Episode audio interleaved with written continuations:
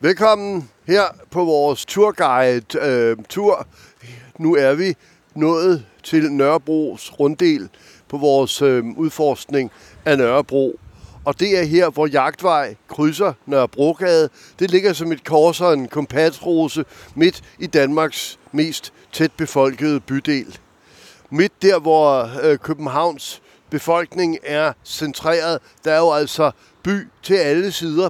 Og det er der også på øh, tre hjørner af runddelen. Der er der jo nogle, øh, skal vi sige, bredskuldrede, prangende gamle ejendomme med noget udsmykning. Og så på det fjerde hjørne, der er så øh, metrostationen, som har et så lidt ind på Assistens Kirkegård. Men øh, kirkegården, det er, øh, vi ender på kirkegården, så at sige. Nu skal vi se lidt på den levende øh, bydel.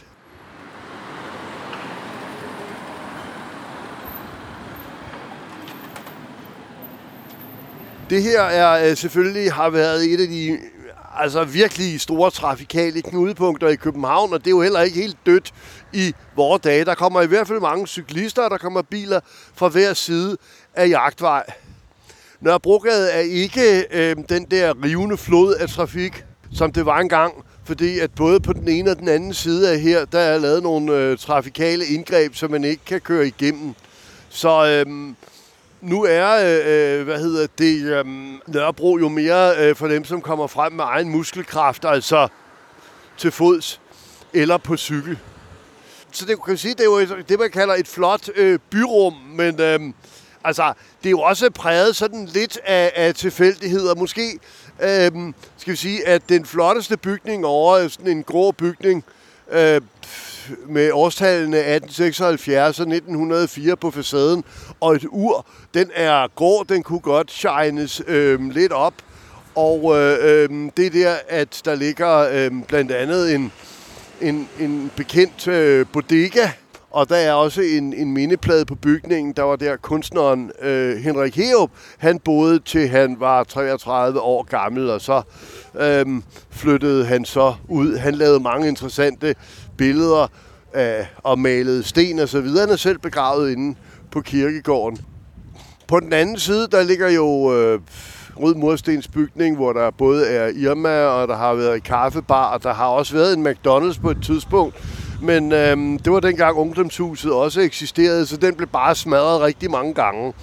Fordi den var, skal vi sige, en torn i øjet på øh, nogle af de folk, der kom i, i, øh, i ungdomshuset. Ungdomshuset har ligget lidt længere nede af, af, af jagtvej, der er stadigvæk et hul i husrækken, der hvor det var den her omstridte bygning, og det har en lang og spændende historie, både øh, øh, hvad hedder det, i arbejderbevægelsen og øh, i forskellige ungdomskulturer. Og så har det så også været et stridspunkt. Men den historie, den er så kompliceret, så den venter jeg øh, lidt mere at fortælle, til vi er... Øh, til vi er gået lidt op af og ned af, af andre stykker af Jagtvej og Nørrebrogade. Det er sådan lidt det der som øhm, at, at lande og orientere sig. Så når du kommer her til øh, øh, Nørrebro og Nørrebros runddel, så kig omkring og venter til myldret. Det øh, går jo frem og tilbage, som, øh, som øh, trafiklysene skifter. Og her bumler øh, bussen 5C forbi. Det er sammen med 350'eren en af de, de buslinjer, der går op og ned af, af Nørrebrogade. Så går 18'eren op og ned af Jagtvej. Og øh, de, hed indtil, de havde indtil for nylig nogle andre numre, men altså... Så det er jo også på den måde stadigvæk et trafikknudepunkt.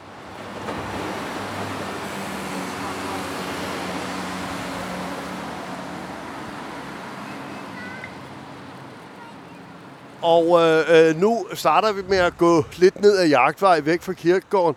Og Jagtvej som øh, vej øh, her på, på, hvad hedder det, på Nørrebro, der ligger jo i virkeligheden i navnet, at det øh, har en meget mere øh, landlig baggrund.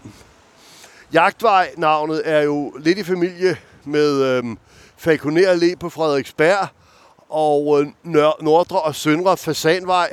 Det minder om Frederiksberg Slot og den kongelige jagt, og øh, at det faktisk er sådan en ridesti, som kongen kunne bruge. Og øh, nu kan man sige, at øh, Frederiksberg det lå øh, tæt på København, Men Frederiksborg, det lå oppe i Nordsjælland, og når man skulle fra Frederiksberg til Frederiksborg, så øh, skulle der fanden køre inden omkring byen øh, med alle de der mennesker. Nej, man kunne galopere ud af jagtvejen, øh, og så kunne man tage kongevejen øh, op. Jagtvejen øh, har så ligget her i et landligt område med marker øh, på alle sider. Men øh, i løbet af 1700-tallet, og det var så efter øh, svenske krigene, der blev det så her, at man trak en linje og sagde, at det var demarkationslinjen. Og en demarkationslinje, det er et militært begreb. Det betød, at uden for den linje, der måtte man godt bygge nogle bygninger, men inden for den linje måtte man ikke bygge nogle bygninger. Så hele det, vi kender som Indre Nørrebro, og det er så altså området med Assistens Kirkegård, og det, man kender som Sjællandsgade kvarteret med de gamle by og ned til øh, Sankt Hans Torv, hvor vi var i en tidligere udsendelse, det var et område, hvor man ikke måtte bygge. Så det lå helt tomt og øde, eller næsten tomt og øde til slutningen af, eller til midten af 1800-tallet, hvor der så blev åbnet op for byggeri. Fordi selvfølgelig, altså så laver man nogle regler, og hvor der er regler, så er der undtagelser. Så der har både været gardnerier og små øh, øh, kroer, og endda noget, der mindede om en lille herregård øh, i nærheden, altså som hed Blågården, som lå over i Blågårdskvarteret i nærheden af Blågårds Plads. Men i det store hele, så var der ikke bygget noget. øh, på den ene side af Jagtvej og på den anden side af Jagtvej, det var sgu også meget beskeden før 1850. Og da Københavns Volde så bliver åbnet, da demarkationslinjen bliver flyttet ned til søerne, det har jeg talt om tidligere, så er der jo frit slag for at bygge. Og så bliver der i løbet af nogle årtier bygget meget, meget tæt. Øh, og nu er der jo, øh, kan vi sige, at øh, vi kan jo ikke rigtig stå og kigge på særlig meget af det meget gamle byggeri, for øh, noget af det, det var meget elendigt, og det blev revet ned. Og det, som ligger ud til de store veje her, det blev i hvert fald revet ned, fordi så kunne man bygge noget, der kunne betale sig bedre. Men altså veje og, og byen, den ligger jo, hvor den ligger.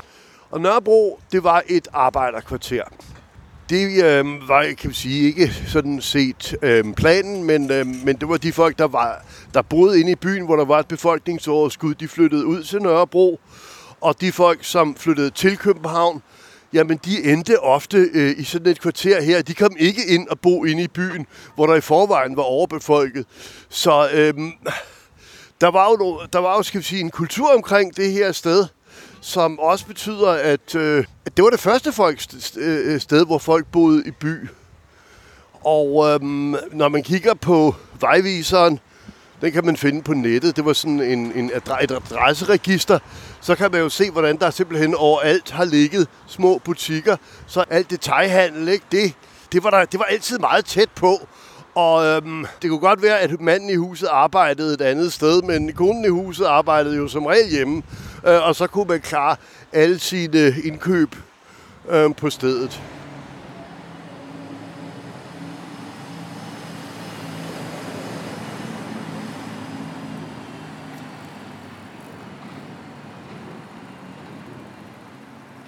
Sådan et kvarter her, det, øh, det har så selvfølgelig også sin kultur, og da det er midt i byen, så er det også der, hvor folk går ud og morer sig. Og øh, nu vil jeg øh, gå lidt frem i tiden, frem til 1950'erne og 60'erne, da det stadigvæk var et karakteristisk tæt beboet arbejderkvarter, hvor altså øhm, man øh, havde sine forlystelser i gaden. Folk boede jo i små lejligheder, og, øhm, og så skulle man jo færdes nogle steder. Så, så er der nogle berømte kroer, der ligger her. Nu står jeg og kigger over på noget, der hedder Coop 365 i et nyt hus, der ligger mellem en, øh, øh, hvad hedder det, øh, sådan en, jeg tror det er en brugt eller designermøbelforretning og øhm, en ejendomsmæler. Men der lå et lidt ældre hus her, der brændte ned øh, for nylig.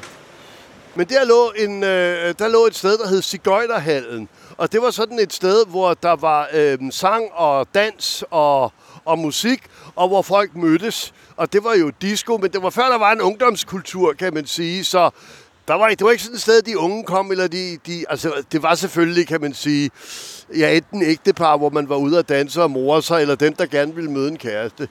Øh, så øh, Øhm, forsvandt så øh, Cigøjnerhallen, og det kunne man nok ikke kalde noget i dag, men dengang der var det jo meget populært. Det mindede sådan lidt om Ungarn og violinmusik og, og romantik og den slags ting.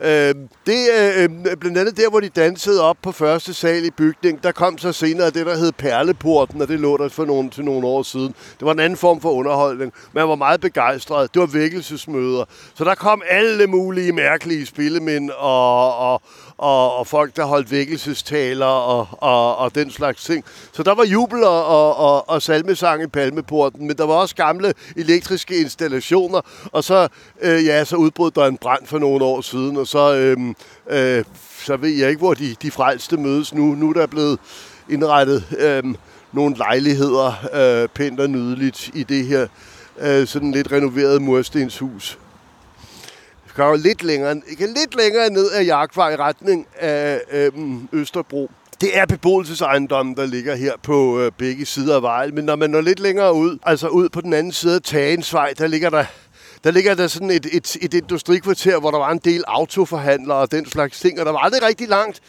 Øh, der var aldrig rigtig langt til, til fabrikkerne, i hvert fald frem til 1950'erne, 60'erne. Øh, de flyttede jo også ud der, hvor København udvidede sig samtidig med, at, øh, at folk flyttede herud. Og det betyder jo så, at, øh, at det var sådan lidt et sammensurium af boliger og så industri tæt på. Øh, det var sådan en rigtig by. Og nu kan man så sige, at fabrikkerne de er jo blevet nedlagt. Nogle af bygningerne øh, er blevet bevaret og bliver brugt til noget andet. Altså for eksempel ude på Tagensvej, der ligger Titans fabriksbygninger, der bliver lavet kraner, der bliver lavet elevatorer og den slags ting. Det er nu sådan en professionshøjskole for eksempel. Andre steder, hvor der lå fabrikker, er der blevet revet ned og bygget nyt. Øh, og det kan så også være, altså det kan stadigvæk være, er, er, det kan også stadigvæk være erhverv nogle af de her bygninger og områder, men det er ikke produktion længere, for produktionen, den er selvfølgelig røget uden for byen og eventuelt uden for landet. Her i en, øhm, der ligger så en øh, anden bygning her på hjørnet af Fensmarksgade, og øhm, det er sådan en, en firkantet bygning. Der var Nørrebro postkontor på et tidspunkt, øh, og nu ligger der et, øh, et supermarked, en Rema. Men øhm, i gamle dage, der var det her øhm, så øh, Tyrolerkrogen. En lav øhm, bygning med hvidsprossede vinduer, og øhm, jeg vil da sige, at, at tema mellem Tyrolerkrogen og Cigøjnerhallen, det var nok lidt det samme. Og der var nok noget fadøl og, og god musik, og damer med højt hår, og, og, og hvad hedder det, mænd med tegnedrangen fremme og det brede slips. Senere var det så i 80'erne en disco, der hed Paradise, som man siger, en i gang imellem, så skal man jo opdatere øh, tingene. Men altså nogle af de der klassiske steder, ikke? det var altså en anden stil, jeg siger, måske sådan mere en, en bæreklangstil og danstop-stil. Og så inde i øh, Stengade for eksempel, der lå Prater Prater er opkaldt efter det, der svarer til Tivoli, bare når man kommer til Wien ved Donau, og der er også øh, øh, øh, fest og sang. Og Prater derinde i Stengade, det var et super smart sted, fordi de havde sådan nogle røde øh, finerbord, og der, hvor der var sådan telefoner på, og så kunne man ringe med telefon mellem borerne og øh, byde op til dans og den slags ting. Det var Altså, øhm, altså, det var også populært, altså, det var i virkeligheden også populært op i 80'erne. Så blev der så totalt saneret øh, der på Indre Nørrebro, hvor, hvor boligstandarden var endnu værre. Og det knækker jo så øh, den her underholdnings industri. For det, det, er, det er jo det, at, øh, at man kan sige, at, at hvis man i dag snakker om de gode gamle dage, ikke, så er vi tilbage i 50'erne og 60'erne, da der boede mange mennesker her, og da de mest veludlønnede, veluddannede og ressourcefulde, de ikke var begyndt at flytte ud til forstederne. Ikke? Det har så også været øh, øh, øh, et, et liv med, baghuse og, og mados. Man kan jo godt romantisere lidt omkring det, men det har også været, skal vi sige, rimelig belastende. Og så kan man så, så, kan man så sige, at vores dages Nørrebroer er, har måske en, til en vis grad en, en, øh, en anden kultur end, end dengang, hvor man simpelthen bare var tættere på hinanden og mere sammen med alt, hvad det indebar af godt og dårligt.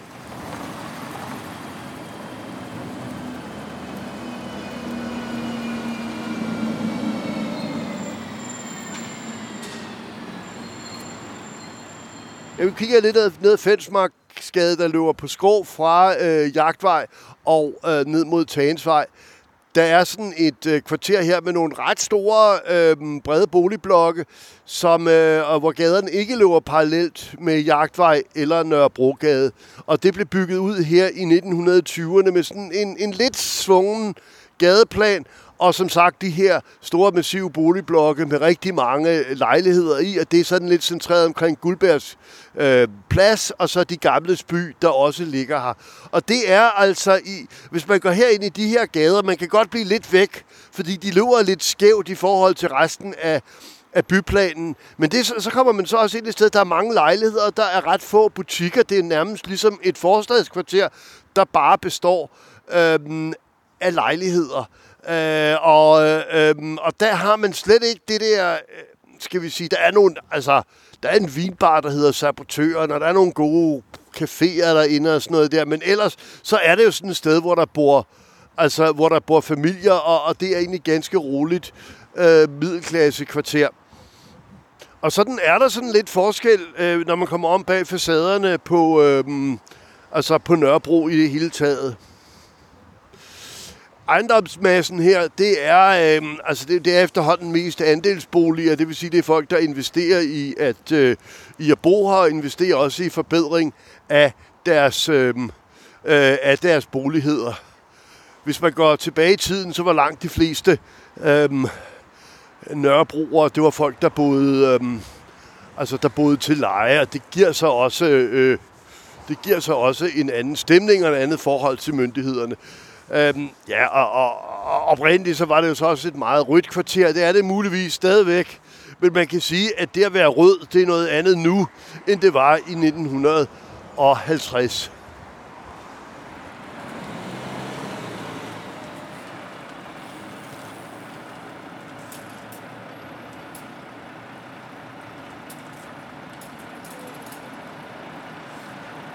Nu er vi tilbage ved Nørrebros runddel, og øhm, så vi skal også lidt op af Nørrebrogade og ned af en sidegade.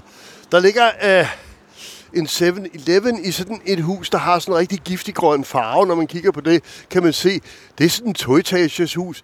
Det er et relativt lille og relativt ældre hus. Det ligger mellem øh, den, skal vi sige, sådan meget dekoreret øh, runddelen bygning med café-runddelen i stuen, der er et af de klassiske brune værtshuse. Og så ligger der et moderne øh, øh, ejendom øh, på den anden side af det, op ad Nørrebrogade, med en kvikle i. Og kigger man så på husene, der ligger videre op ad Nørrebrogade, jamen flotte er de.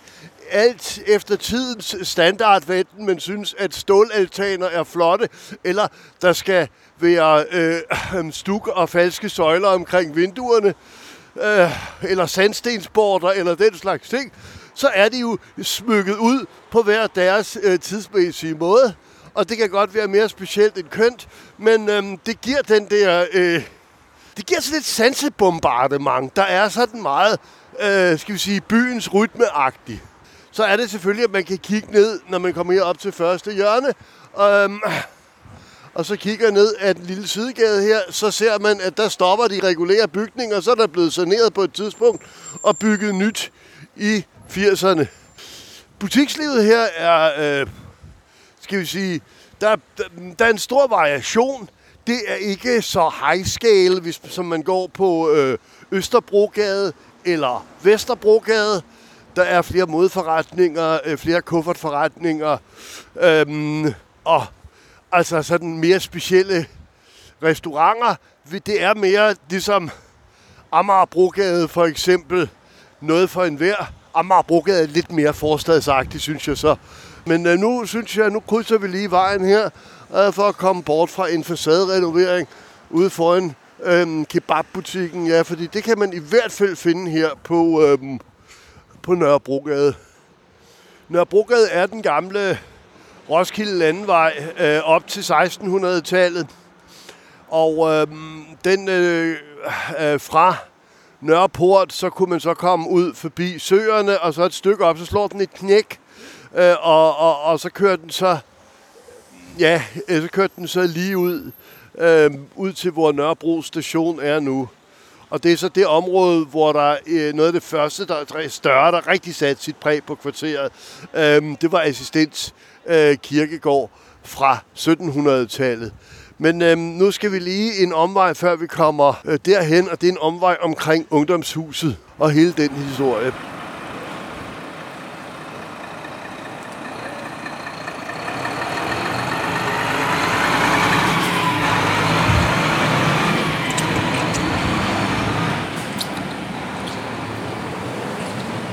Nørrebro var jo et øh, tætbefolket kvarter, og øh, noget af det første, der blev bygget ud, det var området både omkring Sankt Hans Torv, og især det, der hedder den sorte firkant, altså omkring Blågårdsplads og Blågårdsgade.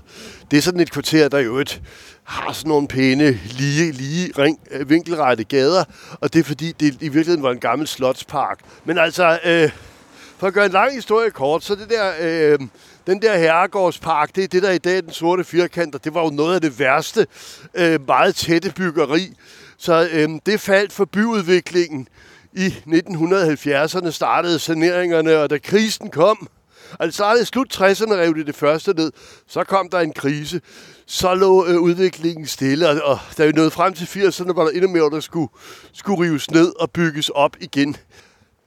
Før hele den her sanering, så er det jo et kæmpe, meget tæt befolket arbejderkvarter. Når man er her om bagved, øhm, nu er vi i Søllerødgade bag Kvickly, kan man se, at der er både nogle solide øhm, ejendomme fra omkring 1900, og så er der en, nogle moderne ejendomme. Og der, hvor de moderne ejendomme ligger, der havde, det, der havde noget af det, det værste øhm, byggeri så ligget. Så der, hvor de mest fattige og desperate arbejdere boede, eller der, hvor der var dårligst forhold, det er svært at, at få mulighed for at se det i dag.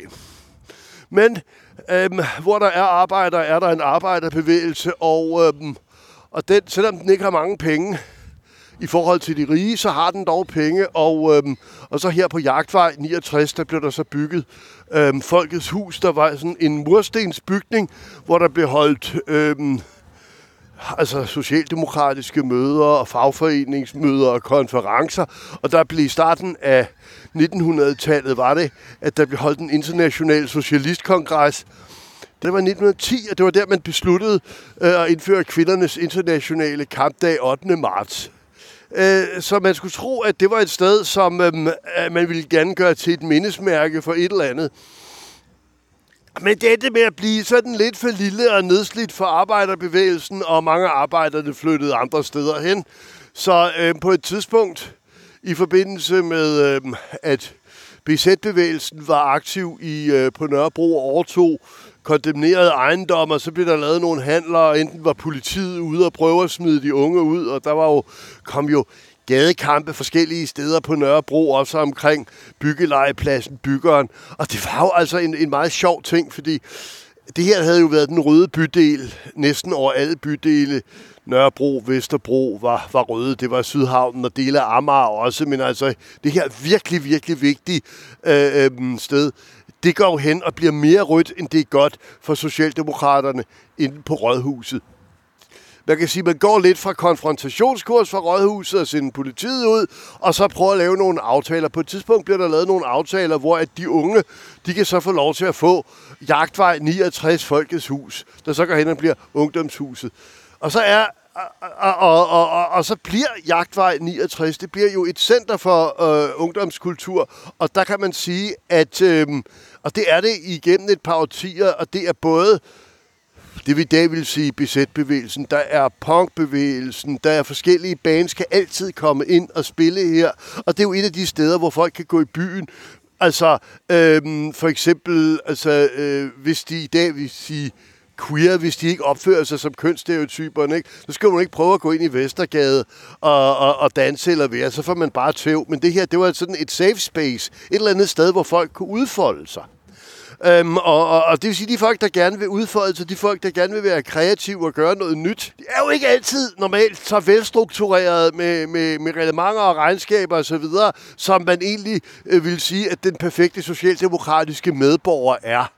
Øh, og derfor så er der også det der med at sige, at der er jo nogle naboklager, og der er nogle, øh, skal vi sige, konfrontationer, der kommer øh, i kvarteret, og, og, og der er det selvfølgelig, at der er en uklar, hvem er det egentlig, der er de unge i ungdomshuset? Og øh, det, det afsted kommer selvfølgelig nogle klager, så en gang imellem, når der er nogle mere vilde protester, der, der sker, ikke? Altså, så vil de jo gerne øh, smadre McDonald's, nogen der går i demonstration, og det kan de ikke, og de vil gerne smadre en bank, og de har også sat brædder op, og så smadrede de Fætter BR løgetøj, fordi det også ligesom er et symbol på kapitalismen og sådan noget der. Og så kan det jo, og det kan jeg godt stå her og sige, og så kan man godt sidde et eller andet andet sted i landet og sige, sådan er alle de folk, der kom i ungdomshuset. Problemet var bare, at det var svært at lave en, altså en af problemerne er, at det er svært at lave en forhandling mellem de unge, der står på deres ret, og så øh, rådhuset, der står på sin ret. Øh, og øh, øh, så kan man sige, at det var en konflikt, der jo i en eller anden grad var under maling. Jagtvej 69 var ejet af en fond, der hed Humana, og det var så også meget fint. Og så sker der bare det, på et tidspunkt bliver den fond købt op af en anden fond. Det bliver købt op af det, der hedder Faderhuset. Og øhm, nu øh, er, altså nu snakkede jeg tidligere i episoden om Perleporten og, og, og missionssang, men altså missionen på Nørrebro, ikke? De var jo også aktive ligesom arbejderbevægelsen, og de ville gerne frelse folks sjæle. Og, og, og det går jo ikke altid så godt, og 100 år efter, så var der åbenbart øh, lederen af faderhuset, hende der hed Rud Evensen. Øhm, hun så et banner, der hang på øh, øh, ungdomshuset, hvor der stod 500 øh, frødende voldspsykopater fra helvede. Og så blev hun meget provokeret, det ville hun jo godt frelse.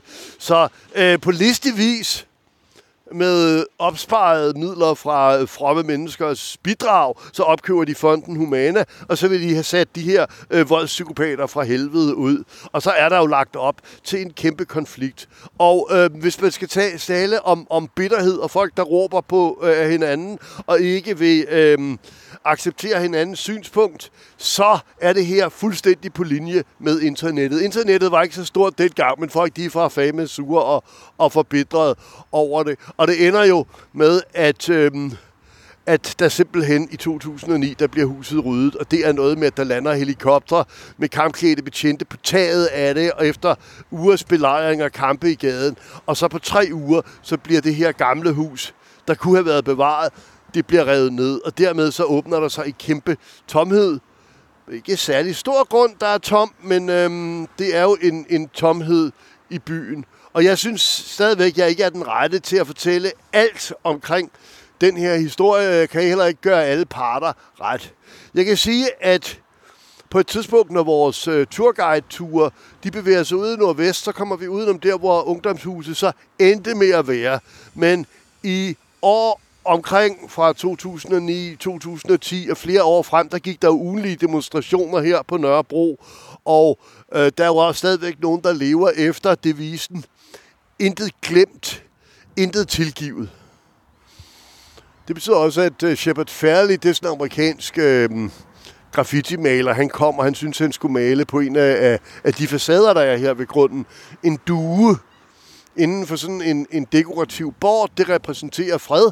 Men da den blev malet her, så kom der hurtigt nogen, der fik skudt noget øh, maling op på den, for der var sgu ikke nogen, der skulle komme her og, og, og snakke om, om fred.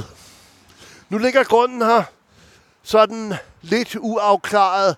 Det er, har sådan lidt et præg af øhm, urban have, losseplads, bleggrøn forår med kasserede juletræer og afbrændte europaller øh, og graffiti. Det har fantastisk god stemning, og øh, her i pandemitiden øh, er det jo et space, hvor man kan mødes, og der er tomt.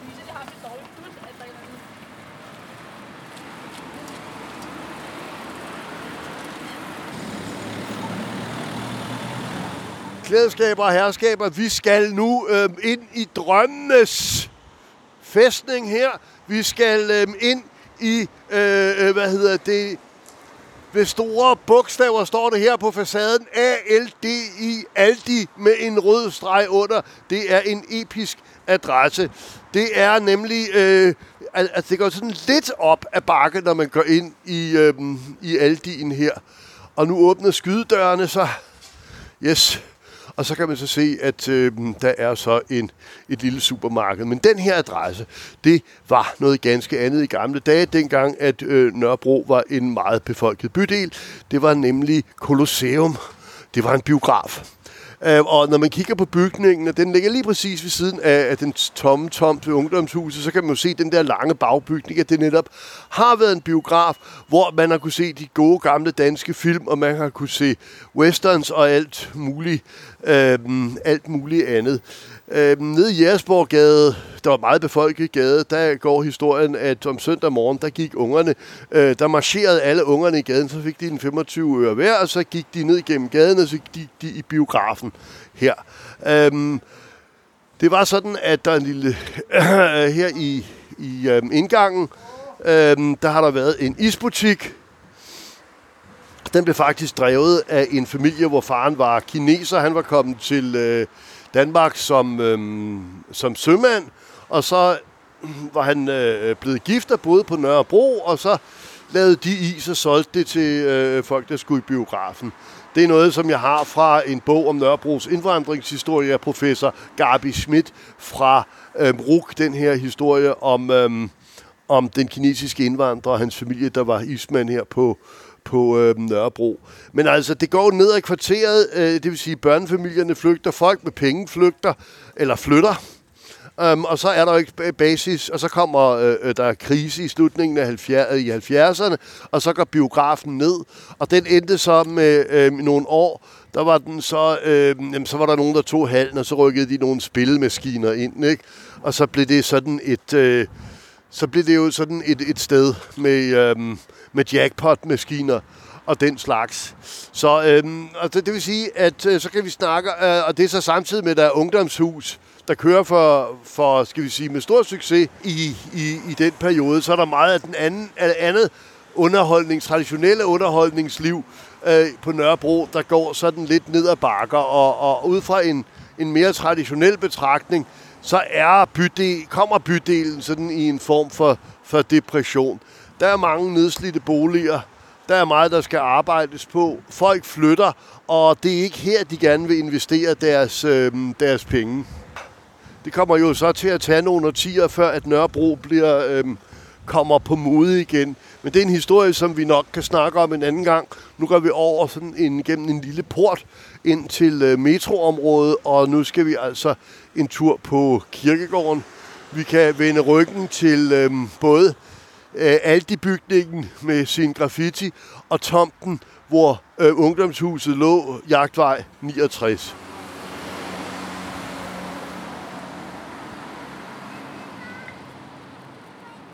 Det er en meget karakteristisk øh, metrostation, Nørrebro runddel. Og øh, noget af det, der er karakteristisk, er, at det ligger jo på hjørnet af kirkegården faktisk. Blev snuppet man det her hjørne af øh, kirkegården og gjorde det til metrostation. Der lå så graverboligen. Det er sådan et hvidt hus, og man kan sige, det, det, det har med sådan en tempelagtig front øh, forfra med fire søjler, og på bagsiden, øh, ja, det er sådan lidt mere beskedent med et øh, forholdsvis øh, stejlt tegltag og øh, karnap og skorsten, der ligner det sådan, der, der, der er vi mere noget, der, der ligner det sådan mere det, der også var sådan en, en funktionærbolig. Øhm, men det er altså blevet bevaret, og det er jo da man lavede og gravede metrostationen her, så blev det placeret på skinner, det der hus er kørt til side, og så lavede man metroforpladsen. Der var der meget protest om, faktisk, at man skulle stjæle fra de døde på den her måde for at lave en metro. Øhm, men altså, øh, metroprojektet, det er sådan som man siger på engelsk, too big to fail. Det skal bare køres igennem. Sådan er det i København. Vi lever med 30 års intensiv udvikling. Og nu bliver der bygget på Amagerfællet og anlagt kunstig ø ude i Øresund, sandsynligvis også, hvis det ikke bliver stoppet. Men det er fordi, at øh, fremskridt, det er noget, man ikke gerne sætter spørgsmålstegn ved. Men altså, øh, så har man så måske sådan en fornemmelse af, af, at gravfreden, den skal jo på en eller anden måde beskyttes. Men det, det her lille hjørne af, af, af kirkegården, det blev inddraget. Og hvad så med de gravsteder, der lå her? Ja, Assistens Kirkegård er jo startet som en slags fattig kirkegård, og det her område, det er ikke et sted, hvor der lå mange kendte gravsteder, lige her hjørnet op ved øh, Jagtvej og Nørrebrogade. Og øh, de enkelte gravsteder, hvor folk stadigvæk havde betalt, skal vi sige, deres afgift, der kunne man lave en aftale og genbegrave øh, de få øh, øh, personer nogle andre steder. Fordi for det meste, så øh, betaler jo folk ikke afgift til at bevare deres familiegravsteder i generationer på et eller andet tidspunkt. Så holder man op. Og mange af de folk, der har har boet her, de har, har jo været relativt fattige mennesker, der blev begravet. Der er meget... Øh, Altså, jeg hørte en historie fra en arkeolog, at det, der blev gravet ud til metro her, så er det jo selvfølgelig, at der blev lavet arkeologiske undersøgelser, og der fandt man altså et gammelt træ, der blev fældet, og omkring det træ, der lå der rigtig mange meget små børn. Det vil sige børn, der var dødfødte eller født eller døde inden for de første par leveår. Der var ikke nogen gravsten eller noget som helst. Og øhm, det har altså været mennesker, det har været børn af de mennesker, der flyttede til øh, som indvandrere, kan man sige, til Nørrebro i de første bølger, enten inden for byen eller fra Ja, altså Lolland, eller Småland, eller Jylland, eller Fyn, eller Sjælland, eller hvad det skal være. Øhm, og øh, folk, som måske havde meget lave indkomster og ikke noget familiegravsted, men hvis deres børn døde, hvad skulle de så gøre? Jamen, så var der så åbenbart det der træ, og så er de blevet begravet der, og præsten har sandsynligvis sagt nogle ord, og det har været det. Det, er, det står ikke nogen steder. Det er bare noget, vi må, om jeg så må sige, gætte os, øh, gætte os frem til.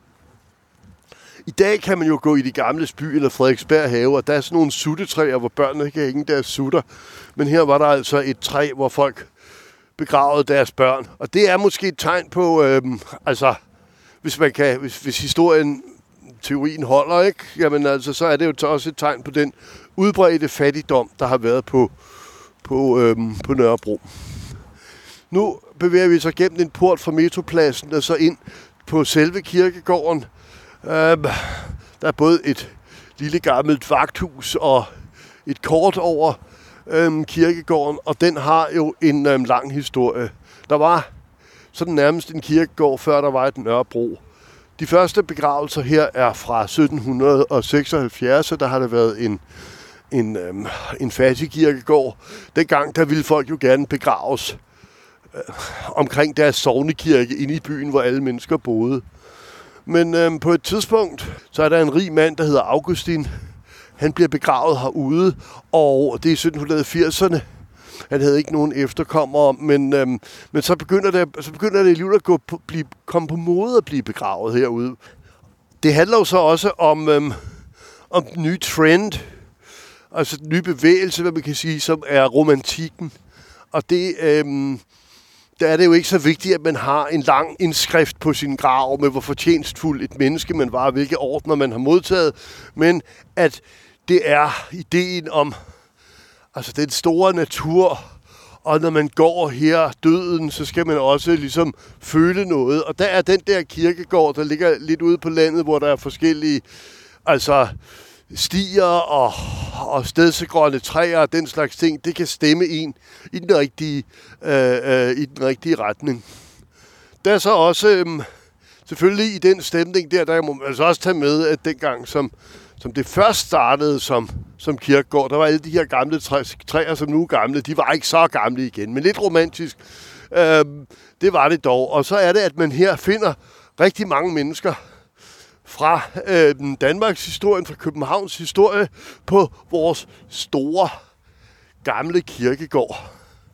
Og kan det lige, øh, vi kan da lige øh, hilse på et par folk fra øh, det, der hedder øh, det, vi har kaldt guldalderen, og så kan vi så også øh, hilse på en af de, de mere øh, de mere moderne kirkegården øh, er jo sådan opdelt, og der er sådan nogle gamle mure, der løber ind igennem, fordi den er sådan, først blev den lavet i nogle, den blev lavet sådan i, i nogle afdelinger. Den hedder jo assistenskirkegård, fordi det er en hjælpekirkegård. Og så var der et stykke tilhørende, for eksempel Helligåndskirken, eller øh, Sankt Petri Kirke, eller Trinitatis, eller nogle af de andre kirker i byen. Øhm, og, og så blev den så udvidet sådan gradvist, og derfor er der også de der sjove gamle mure, der løber igennem, og også bevokset med, med eføj og sådan noget der. Det gør det jo sådan ekstra romantisk i dag. Nu står vi ved et gravsted her, der står Hans Christian Ørsted øhm, og øhm, Inger Birgitte øh, Ørsted. Og det er øh, Hans Christian Ørsted, og meget kendt som øh, den mand, der definerede elektromagnetisme, en fremtrædende fysiker, øh, øh, der var så aktiv både sådan rundet af oplysningstiden og aktiv under romantikken. Og han var sådan en der, der, der kunne... Øhm, altså, ud fra de der romantiske idealer om de store modsætninger og kræfterne, der brydes, det hjalp ham med at forme teorien om øh, elektromagnetismen, og det er det, der er forudsætningen for vekselstrøm, altså den form for, for elektricitet, vi bruger i dag. Øh, men altså, det vil sige, han var en... Altså, øh, han boede jo nærmest hele sit liv i København, en enkelt rejse til Paris og nogle rejser til Tyskland blev det til. Øh, men der lavede han jo store øh, øh, opdagelser. Han var i øvrigt også en slags lærer og mentor for Lille H.C. Han var jo stor H.C., Lille H.C. H.C. Andersen, der også er begravet her på Assistens Kirkegård. Um, så få skridt herfra, lige ved kirkegårdsmuren, der er der et ret øh, mærkværdigt gravmæle, hvor der simpelthen står øhm, indskrifter på arabisk og øh, sanskrit og runer, og så står der øhm, på dansk, øhm, vort fædreland øh, skylder man alt, hvad man kan udrette, og det er så øh, sprogforskeren Rasmus Rask, øh, der blev født på Fyn og døde her i København i en øh, alder af Ja, kun, øh, ja, hvad bliver det? Det bliver jo kun 45 år. Men han nåede at rejse gennem Centralasien og lære 30 sprog, og kom hjem og lavede den geniale anbefaling, at Dan, det Danmark, Danmark virkelig havde brug for, det var sit eget bogstav, nemlig Å. Så øh, udover sin sprogforskning, så fik, det sådan, øh, så fik han jo defineret noget, som vi alle kender. Og så er der nogen, der har lagt en lille sten, hvor der står noget på græsk, som jeg ikke skal prøve øh, øh, og, og, og, og udtale det første ord, det er så Sofia, det kan jeg godt læse på græsk. Hvis jeg vender den om, så er det heldigvis oversat til engelsk. Wisdom is the only immortal property of man. Så der er en person, der kan skrive græsk på en pæn sten, og så skrive en lille øh, hilsen på engelsk bagved til den store sprogforsker. Ja, øh, i den gamle del af, af Assistens Kirkegård, der er der blevet tyndet meget ud blandt, altså har var jo, skal vi sige, kirkegården var jo lige så befolket som øhm, bydelen, og der er rigtig mange grave, som er væk. Det var de almindelige menneskers grave, grave, som der ikke blev betalt for længere, og grave, som ikke var fredet, grave, der var forfaldne. Så øhm, det er jo en, en, altså det, det er et udvalg af gravsteder, der er. Nu går vi så gennem øhm, øh, øh, en port i muren, og øhm, så er man så inde på den centrale del af Assistens Kirkegård, der hedder Lokalkirkegården. Og det er den midterste del af kirkegården, og det er der, der stadigvæk bliver lavet begravelser. Så det vil sige, at Assistens Kirkegård, det er en, en aktiv kirkegård, som ligger inde i en historisk park med gravsteder. Men her er det så, at folk kan blive begravet, og der kan folk fra hele København selvfølgelig blive begravet, fordi selvom det hedder en kirkegård, så er der jo ikke en assistenskirke. Der er et gammelt kapel, som var kulturcenter i nogle år, hvis fremtid ikke er. Altså, om det så bliver ved med at være kulturcenter, det ved vi så ikke. Men det vil sige, at folk, der bliver begravet her, de kan blive begravet fra kirker eller fra andre steder. Der er jo faktisk er der jo plads til folk, selvom det hedder kirkegård så er det jo, behøver man ikke være kristen for at være her. Der er simpelthen, man behøver heller, i, i hvert fald ikke være folkekirkelig. Der er katolske grave, der er græsk ortodoxe grave, der er grave for kristianitter, der er øhm, grave for, der er lavet et gravområde for homoseksuelle, og der er alle mulige personer, som ikke er specielt øhm, øh, folkekirkelige. Og nu er vi så her ved en af dem, som absolut er et, et åndeligt, spirituelt øh, øh, menneske, men øh, helt ubegrænset i sin kosmiske kærlighed, der står. Altså, det er jo nærmest en, en statue, der er, er, er lavet af en øh, kendt kunstner, øh, der, der, der betalte for marmoren her, og det er så for Morten Lindberg, kendt som Master Fatman, og der sidder han altså i lotusstilling, og der bringer folk offergaver til øh, Master Fatman. Øh, og han er så en af de meget populære døde her, som siger folk rigtig meget. Og han døde jo kun for, ja, var det slutningen af 2019 eller starten af 2020? Han var, har desværre ikke været her til at, at hjælpe og guide os gennem øhm, coronakrisen. En af de andre yngre døde er jo Natasha Sart, der ligger i den anden ende af kirkegården nede i nærheden af kapellet og indgangen fra Kapelvej. Øhm, og der er også rigtig mange, der kommer og giver øh, gaver og hilsner på hendes grav.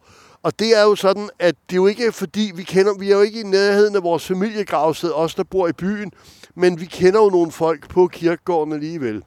Her i lokalkirkegården kan man så se, nogle, der ligger nogle små runde, sådan cirkelformede eller halvcirkelformede anlæg, altså hvor man kan se små, smukke øh, øh, øh, øh, gravstene. Men ellers så er det her sådan et... Øh, det er jo sådan et område, hvor folk øh, også kan komme og, og bruge det som park.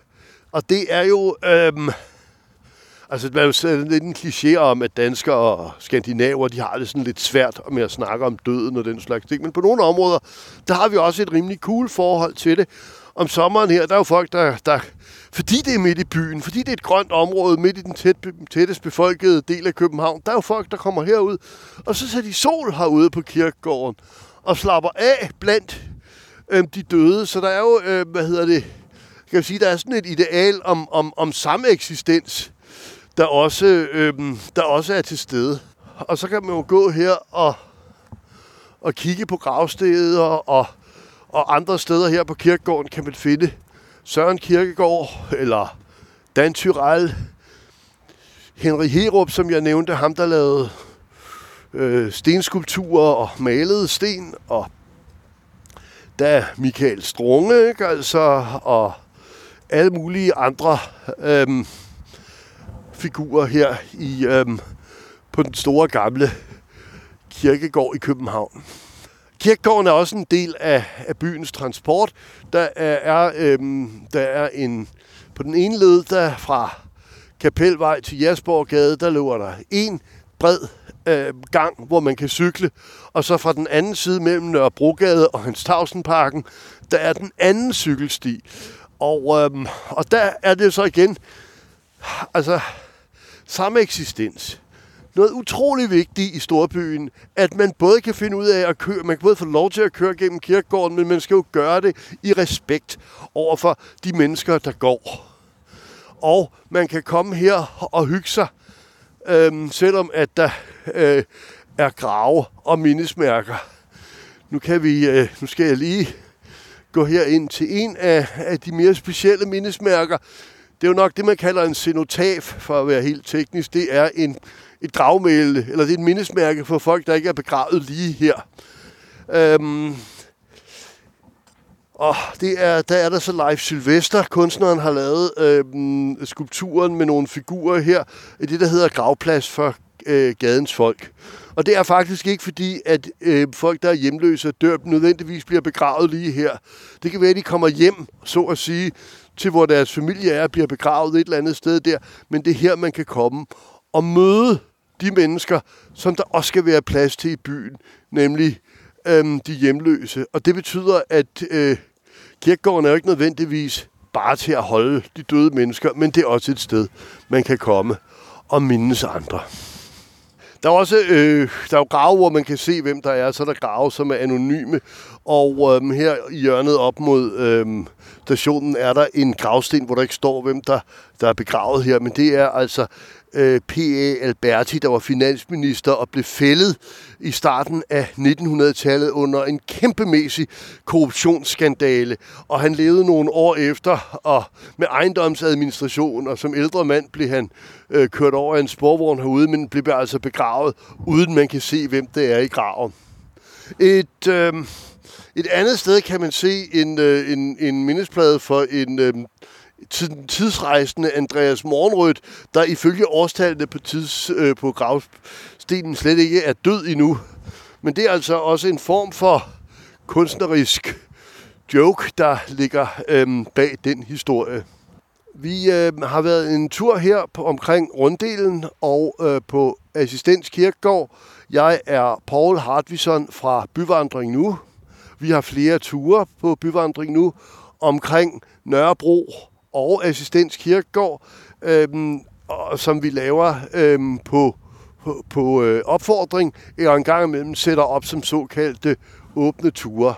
Men ellers så kan I jo med den her lyd i ørerne gå ud på jeres egen udforskning af Nørrebro, Runddel og omegn.